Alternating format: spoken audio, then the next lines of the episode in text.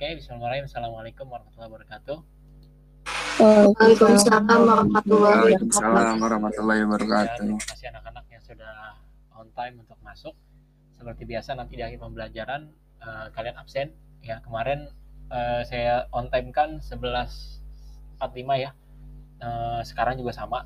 Uh, nanti uh, on time kan cuma nanti sampai di uh, waktu pembelajaran setelah pembelajaran sekitar 30 menit ya. Uh, jadi misalnya sini selesai jam 7 maka uh, jam setengah 8 uh, absenan ditutup. Uh, Oke okay, baik anak-anak hari ini kita akan belajar tentang uh, mobile um, lanjutannya dari kemarin kita bahas, akan bahas lebih spesifik uh, dan nanti kita akan membahas juga langsung praktek uh, bagaimana membuat uh, tampilan podcastnya lebih bagus atau tampilan YouTube channel yang lebih bagus ya uh, atau nanti tadi kemarin si siapa tuh ada yang mau bikin konten di TikTok ya tetap ya dimasukkan ke dalam uh, short uh, YouTube atau video pendek YouTube. Karena YouTube punya kebijakan nanti ke depan uh, tidak perlu mencapai 4000 jam tayang atau 1000 subscriber tapi dengan short uh, video tersebut kamu bisa mendapatkan AdSense ya ke depannya seperti itu. Seperti jadi nanti kalau kita nonton uh, IGTV lah seperti itu ya uh, cuma kan IGTV nggak ada ikannya ya nak kalau di YouTube nanti ada ikannya ini kita lanjutkan pemasaran yang kemarin kita bahas. Kemarin itu kita sempat diskusikan uh, banyak ya terkait model-model uh, pemasaran pemasaran apa digital ya pemasaran uh, kok langsung lanjut pemasaran online nih? Salah kata-katanya. Harusnya pemasaran mobile lah. Uh, sorry sorry sorry lanjut pemasaran mobile oke.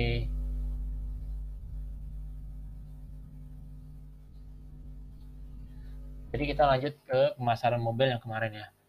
Uh, ada fakta ya anak yang harus kalian ketahui bersama sebelum kita melanjutkan, yaitu bahwa uh, sebanyak 80% pengguna internet memiliki smartphone ya.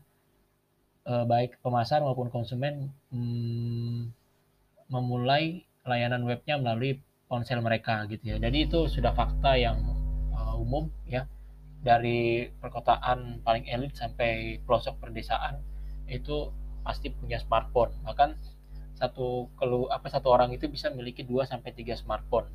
Nah, kalau sekarang di total jumlah penduduk Indonesia dengan jumlah smartphone yang ada itu lebih banyak smartphone gitu ya. Cuman karena pemerataannya kurang, maka oh ya tadi yang kaya bisa jadi memiliki 10 sampai 20 mungkin uh, smartphone ya. Tapi uh, yang uh, menengah ke bawah atau mungkin orang yang kalangan teba, uh, bawah gitu ya itu bahkan smartphone-nya masih yang uh, belum Android gitu ya. Jadi memang jumlah smartphone itu luar biasa banyaknya dan kalian bisa lihat bagaimana uh, perusahaan-perusahaan smartphone itu berlomba-lomba ya. Bahkan megapiksel untuk kameranya itu sudah nggak wajar ya. Nah, karena kan banyak pengguna handphone itu suka dengan uh, tampilan foto yang jernih ya.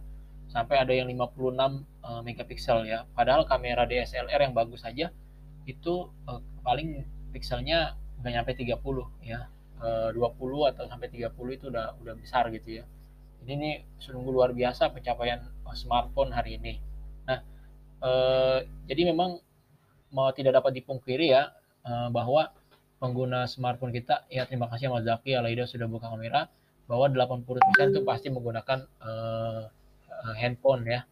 Dan ya mau tidak mau kita menyesuaikan untuk hal tersebut. Nah, rata-rata para admin, uh, pengiklan, uh, pemasar, uh, karena memang dia punya waktu yang terbatas dan uh, uh, budaya kerja yang padat gitu, mereka biasanya menggunakan aplikasi-aplikasi di PC ya untuk uh, meng, schedule kegiatan mereka. Jadi para youtuber, para orang-orang konten kreator itu biasanya punya aplikasi yang uh, auto uh, upload atau auto uh, tayang ya itu. Jadi nggak harus dia uh, setiap hari mantengin uh, smartphone-nya atau dan sebagainya karena biasanya para para pengiklan itu atau para yang disebut pemasar itu biasanya fokusnya bukan di handphone ya konsumen itu kan fokusnya megangin handphone dari bangun tidur sampai tidur lagi megangin handphone. Tapi kalau pemasar itu jelas kalau dia mereka mereka megangin handphone saja itu uh, pasti dia tidak akan punya konten yang bagus. Maka ya mungkin Hatta Halilintar banyak lebih banyak di jalan daripada megang handphonenya. Atau Deddy Corbuzier lebih banyak baca buku sebelum dia me mewawancarai uh, audiensnya atau orang yang ada di yang akan hadir di podcastnya gitu. Karena kan uh, seorang pewawancara harus tahu dulu uh, materi yang akan uh, dia bawakan gitu. Jadi memang kalau kamu mau jadi seorang uh, creator yang sukses pastinya ya penggunaan handphonenya nggak mungkin sehari nggak nyampe satu jam atau setengah jam pasti sangat sedikit. Banyak kan mereka fokus ke bagaimana membangun uh, kreatornya ya. Uh, lanjut ya. Nah ini fakta-fakta pemasaran ya yang kalian harus tahu ya. Yang pertama hmm, menurut Salesforce ini kalau kalian mau buka internet ini ini jadi acuan ya website ini jadi acuan untuk para Eh, marketing di dunia untuk melihat uh, bagaimana kondisi konsumennya ya. Jadi perusahaan telah mengintegrasikan pemasar seluler ke dalam strategi pemasaran mereka secara keseluruhan. Jadi uh, perusahaan itu sudah fokus ke pemasaran apa tuh? pemasaran seluler ya, pemasaran mobile. Ya jadi Salesforce ini kalau kamu jadi seorang content creator karena nanti bisa jadi uh, pasar yang akan digarap oleh angkatan kamu ya ketika kamu sudah umur 20 sampai 30 atau mungkin kamu umur 40 itu orang Indonesia mungkin sudah fokus uh, jualannya ke luar negeri ya.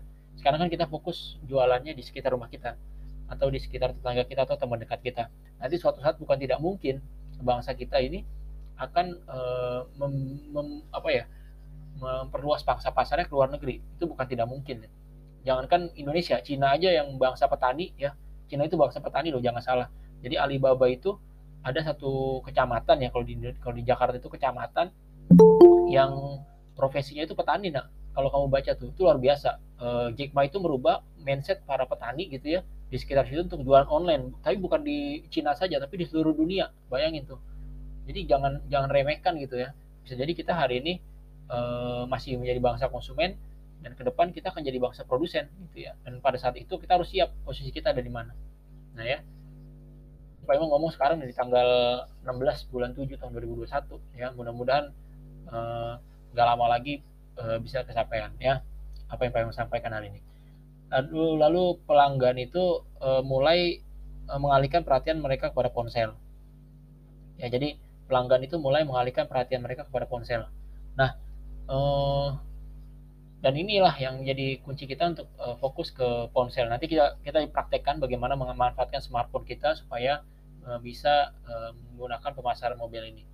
Uh, terus juga pemasaran melakukan hal-hal yang sama untuk menciptakan keterlibatan omni channel. Nah, omni channel itu apa? Ada yang tahu nggak? Yang tahu dapat hadiah nih. Wah, langsung semangat ya.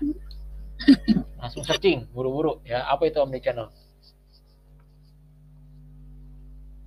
Tiga dua satu ya.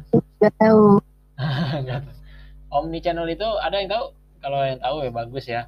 Omni channel itu uh, adalah suatu sistem yang memungkinkan pembeli menggunakan lebih dari satu channel penjualan milik anda. Umumnya channel yang dijadikan itu adalah e-commerce mobil dan serta media sosial. Jadi gini nak. Uh, kalau kamu pengen jadi pemasaran sukses ya terutama pemasaran mobile maka fokusnya itu jangan fokus hanya satu ya uh, fokus hanya satu misalnya Shopee. Kalau misalnya kamu jadi seorang penjual, fokus hanya di satu channel, maka dia uh, pangsanya akan akan sempit ya.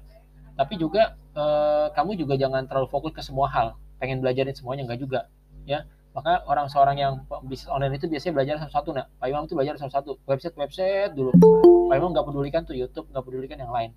Besoknya baru belajar YouTube dulu kayak gak pedulikan yang lain. Besoknya belajar Instagram gitu.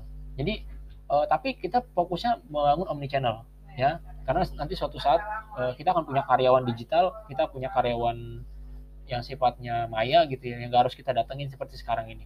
Yang gak harus punya kantor dan sebagainya. Nah ya. Jadi omni channel itu apa nak? Omni channel adalah suatu ya sistem yang memungkinkan membeli menggunakan lebih dari satu channel di penjualan milik anda umumnya ya channelnya digabungin. Ada toko fisik ada e-commerce ada mobil e-commerce serta media sosial. Jadi nggak cuman pas dicek YouTube ada toko kamu. Pas dicek Tokopedia ada toko kamu. Pas dicek Shopee orang bisa beli. Pas dicek Twitter orang bisa beli juga. Pas di tweet pas dicek website sendiri orang bisa beli. Pas dicek di mana uh, Instagram dia bisa beli.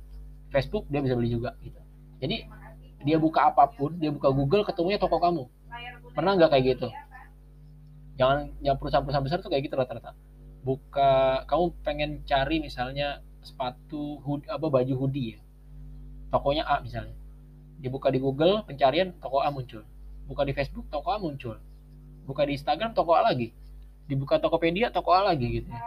Jadi mau kamu buka di mana pun tokonya toko itu yang muncul pertama. Atau nggak harus muncul pertama tapi ada selalu toko itu dalam referensi kamu. Nah itu namanya omni channel nanti kamu akan bangun seperti itu ya. Mudah-mudahan ya. Terus manfaat nyata dari uh, pemasaran mobile ya. Yang pertama itu pesan teks itu mudah dan relatif murah ya. Jadi eh, pesan teks itu mudah dan murah. Nggak mahal ya eh, kirim SMS mudah banget. Update status tuh gampang banget bener gampang banget ya. Gampang nggak update status? Gampang banget gitu. Gampang, gampang banget ya. Itu pesan teks tuh gampang banget mudah. Kayak kemarin Pak ceritain toko mie ayam di tempat uh, orang yang berdagang mie ayam di rumah Pak Imam tuh cukup update status setiap hari open dan close ya. Open close open close. Kalau open orang kepada mesen langsung. Kalau close ya udah orang udah nggak nggak mau jalan lagi gitu ya. terus SMS ya itu memiliki CTR yang tinggi. apa itu CTR tuh di bawahnya? CTR apa itu nak? Persentase orang yang melihat halaman web web yang mengklik iklan tersebut yang muncul di halaman tersebut. Nah, jadi eh, CTR. Jadi kalau misalnya kamu pasang iklan, seribu kamu pasang iklan, bisa jadi seribu seribunya dibuka. Nah itu namanya CTR ya. Jadi eh, klik per, per impression atau klik through impression.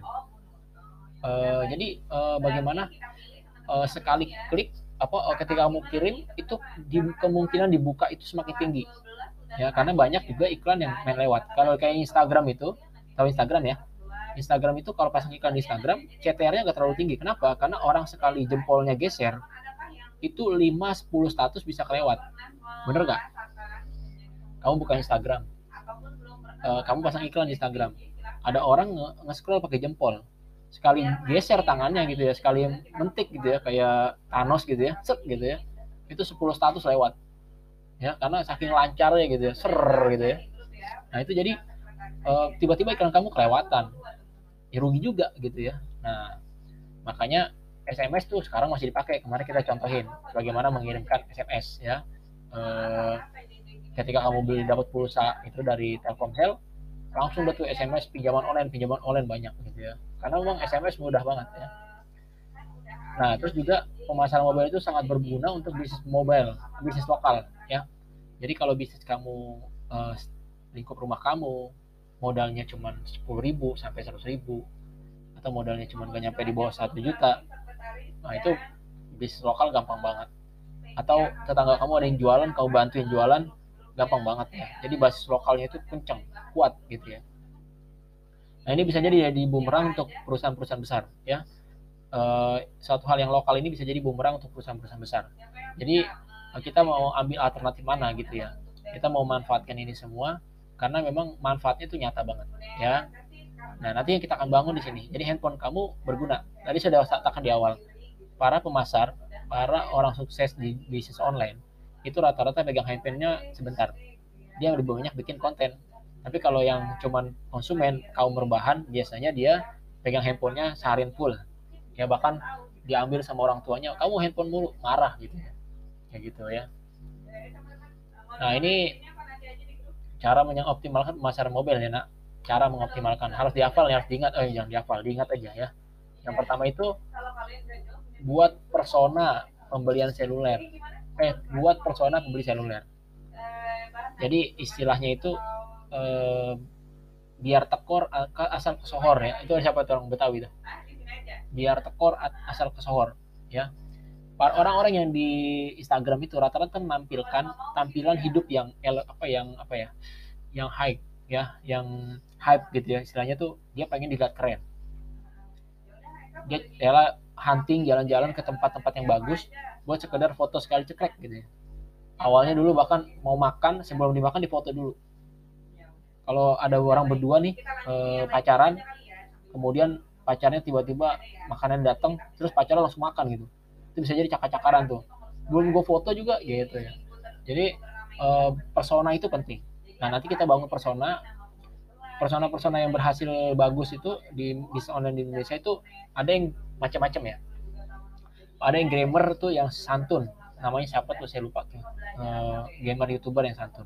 Dia personanya adalah santun.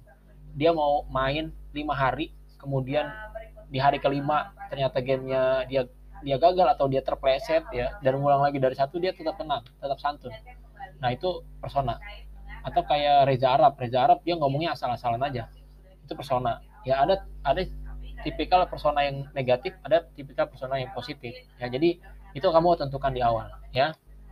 Terus juga tujuan. Tujuannya apa? Banyak orang menganggap bahwa penghasilan di dalam bisnis online itu adalah satu hal yang dituju. Padahal enggak itu bonus. Kayak ada yang miara ini enggak di sini? Eh aquascape ada enggak? Halo? Enggak. ada? Ahmad Zaki punya akuarium nggak? Nggak punya pak. Nggak punya. Yang punya akuarium sampai sini? Nggak ada ya? Gilang, Gilang punya Gilang, Gilang. pak. Adam, Adam nggak punya. Gilang mana Gilang? Nggak punya saya pak. Gilang mana? Punya nggak? Gilang ada nggak? Loh ini Vera baru masuk. Ada nggak Gilang? Ada. Aquascape punya akuarium. Gak punya pak. Oh nggak punya. Tadi kata Adam punya nih. Cakar-cakaran dah berdua nih. Jadi Kataku bohong. eh, kamu tahu Aquascape, ya? Kalau nanti sempat nonton. Aquascape itu kan miara ikan ya di dalam akuarium. Jadi eh, yang dituju aquascape itu bukan ikannya nak, tapi pemandangan yang ada di dalam. Pemandangan yang di dalam yang dituju sama dia. Tapi ternyata tujuan utamanya itu bukan pemandangan yang ada di dalam. Tujuan yang utamanya adalah memelihara air. Ya, pemandangan yang bagus, ikan yang bagus itu adalah bonus. Jadi kalau kamu mau melihara eh, aquascape, maka tujuan utamanya adalah memelihara airnya, gitu ya. Begitu juga dengan bisnis online. Eh, segala sesuatu itu tinggal bonus. Eh, pendapatan itu bonus. Tapi tujuannya apa? Oh, saya tujuannya mau edukasi masyarakat. Saya tujuannya mau memberikan satu hal yang berbeda daripada yang ditonton orang selama ini. Saya pengen kasih pendekatan yang berbeda. Yang itu tujuan awalnya dulu. Nanti pen- penonton akan menilai kamu kayak gitu. Atau eh, orang yang membeli produk kamu akan menilai kamu kayak gitu ya. Terus tetapkan key performa indikator. Nah, ini juga salah satu bagian dari bagaimana kita mau lanjut atau enggak dalam satu bisnis online. Indikatornya misal apa? Kalau kamu jalan di Tokopedia, produk ini harus laku 1000 misalnya. Nah, kalau nggak nyampe 1000, kamu harus cepet take over ke usaha lain. Kayak gitu ya. Atau dalam satu satu bulan, saya pengen eh, dapat eh, ribuan eh, apa ya, pembeli. Ternyata nggak nyampe misalnya. Atau dalam satu minggu harus ada 30 pembeli. Kalau nggak nyampe 30 berarti harus diperbaiki nih. Jadi key performa indikator itu kayak target target kecil gitu. Nyampe nggak sini? Layak nggak sini kita lanjutin gitu. Kayak gitu ya. Maka ada dalam pebisnis itu rata-rata sering banget rebrand- rebranding ya. Rebranding itu apa ya? Eh, dimulai lagi dari awal dan nol lagi. Salah kayak ma- masang puzzle aja. Nggak cocok dibongkar lagi, nggak cocok dibongkar lagi gitu ya. Atau keterikatan ya. Rata-rata orang yang sukses dalam bisnis online itu pasti punya keterikatan. Atau eh, ketika dia pemasaran mobilnya eh, optimal maka dia punya keterikatan dengan eh, calon pelanggan. Banyak orang beli itu alasannya bukan karena produknya bagus bukan. Tapi karena penjualnya ramah. Jadi kayak gitu ya. Atau penjualnya punya karakteristik yang berbeda berbeda ada orang mau saya suka nonton juga tuh di YouTube misalnya ada salon yang eh, karena dia menarik orangnya. Pelayannya pakai sepatu roda mana-mana gitu ya mau mau gunting rambut orang gitu. Bayar sekali gunting dua ratus ribu. Sekali mau warnain rambut 1,5 juta gitu ya. Tadi tarifnya besar. Apa itu eh, eh, apa sih membuat rambut yang beda-beda itu modif-modif itu 2 juta. Dan orang laku gitu. Karena dia membangun keterikatan dengan konsumen ya saya mahal. Barang saya produk saya mahal. Tapi eh, orang puas. Kamu eh, hasilnya bagus. Alat-alat yang kita pakai canggih steril dan sebagainya. Selanjutnya adalah akuisisi. Nah kalau orang beli di kamu jangan sampai sudah beli kamu nggak kenal lagi sama orangnya. Nggak. Kita harus akuisisi. Akuisisi itu kita harus punya data dia. Minimal banget. Makanya sekarang itu e, di Gojek di mana pun kalau kamu nggak aktif di Gojek misalnya kamu jarang naik e, mesen GoFood kamu jarang naik ojeknya kamu akan diserang dengan diskon. Ya kamu akan diserang dengan e, bonus potongan harga ya dan sebagainya. Itu berarti e, kamu dipan sementara orang yang rajin pakai Gojek orang yang rajin beli GoFood itu bisa jadi nggak dapat e, promo. Tapi yang malah yang jarang malah dapat promo kayak gitu. Jadi dia mengakuisisi meminta data kamu seterus-terusnya. Jadi kalau kamu pakai aplikasi ada pembaruan data dan sebagainya ya. Terus eh, pelayanan pelanggan atau customer service itu udah, udah nggak usah dijelasin ya. Di pemasaran itu hal yang paling penting banget.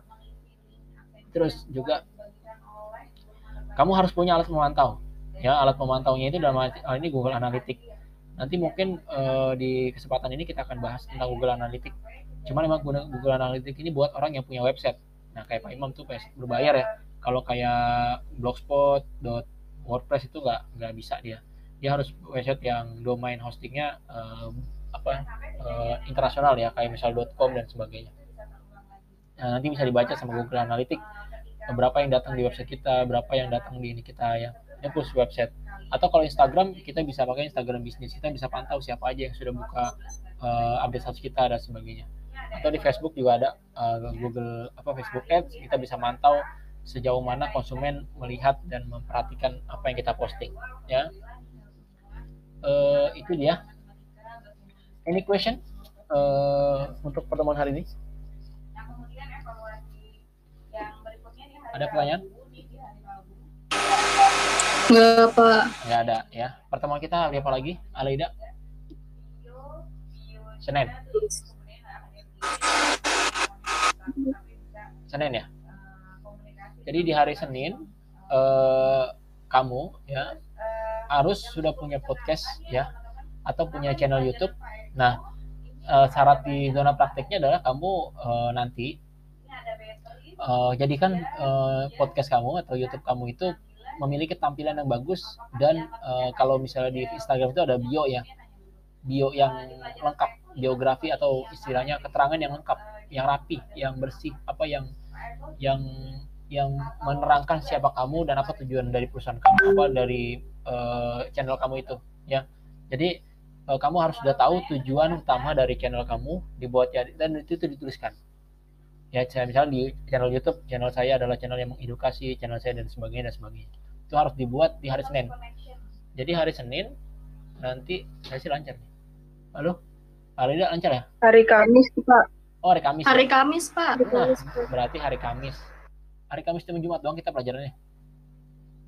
Iya. Oh ya udah. Jadi hari Kamis ya. Hari Kamis kamu apa sudah punya uh, channel YouTube-nya dan podcast-nya. Nanti uh, saya akan update di Google Classroom, saya sampaikan juga di di grup kelas. Kalau sudah ada channel apa di GC-nya. Form untuk pengumpulannya. Ya, jadi kamu harus ngumpulin di itu linknya biar nanti saya cek. Ya. Uh, atau gimana ya nanti mungkin ada form atau gimana saya supaya saya mudah untuk ngeceknya tapi sih biar terdata nanti mungkin di Google Classroom ya itu saja anak-anak uh, pertemuan hari ini tentang pemasaran mobile dan uh, mudah-mudahan kamu bisa nangkep ya di pagi hari ini uh, setengah jam ya uh, setengah jam apa uh, 25 menit saya ingat uh, apa untuk mengisi pagi hari ini mudah-mudahan kamu bisa memahami apa yang saya sampaikan dan bisa mempraktekkan dan memikirkan me, apa istilahnya ya? Memikirkan kembali gitu ya. Coba diulang lagi. Memikirkan kembali uh, apa yang saya sampaikan. Karena bisa jadi hal ini akan uh, akan nanti berkembang. Apa yang saya sampaikan ini bukan dari saya sendiri, tapi saya baca berbagai macam analisis ya. Dan ayo kita sama-sama uh, rubah uh, rubah uh, kebiasaan kita, rubah uh, semangat kita, motivasi kita untuk apa kita ada di dunia ini dan uh, sudah sejauh mana pencapaian yang kita uh, hasilkan sampai saat ini. Sudah kelas 3 dari pertama kamu masuk sekolah sampai baru berapa bulan sih kamu masuk sekolah sampai sekarang kamu nggak nggak ada pembelajaran dan mungkin sampai kamu lulus. Mungkin seperti kelas 3 yang kemarin nggak ada perpisahan dan sebagainya. Entah apa yang ini kamu harus punya target ya Jangan sampai waktu kamu berlalu begitu aja. Itu ya eh, anak-anak sekalian ya. Eh, terima kasih banyak. Oh iya, link absennya. Link absen ya. Lah mana tadi ya? Bentar, bentar, bentar, bentar. Oke. Ini link absennya ya. Kok tutup sih? Bentar ya. Ingat sampai jam setengah 8 ya hasilnya ya. Jam setengah 8 sudah harus eh, mengumpulkan absennya semua. Oke. Tuh, ya di Ya. mana? Oh, Di oh di di chat juga ya di WA ya. Ya. Ada pertanyaan lagi?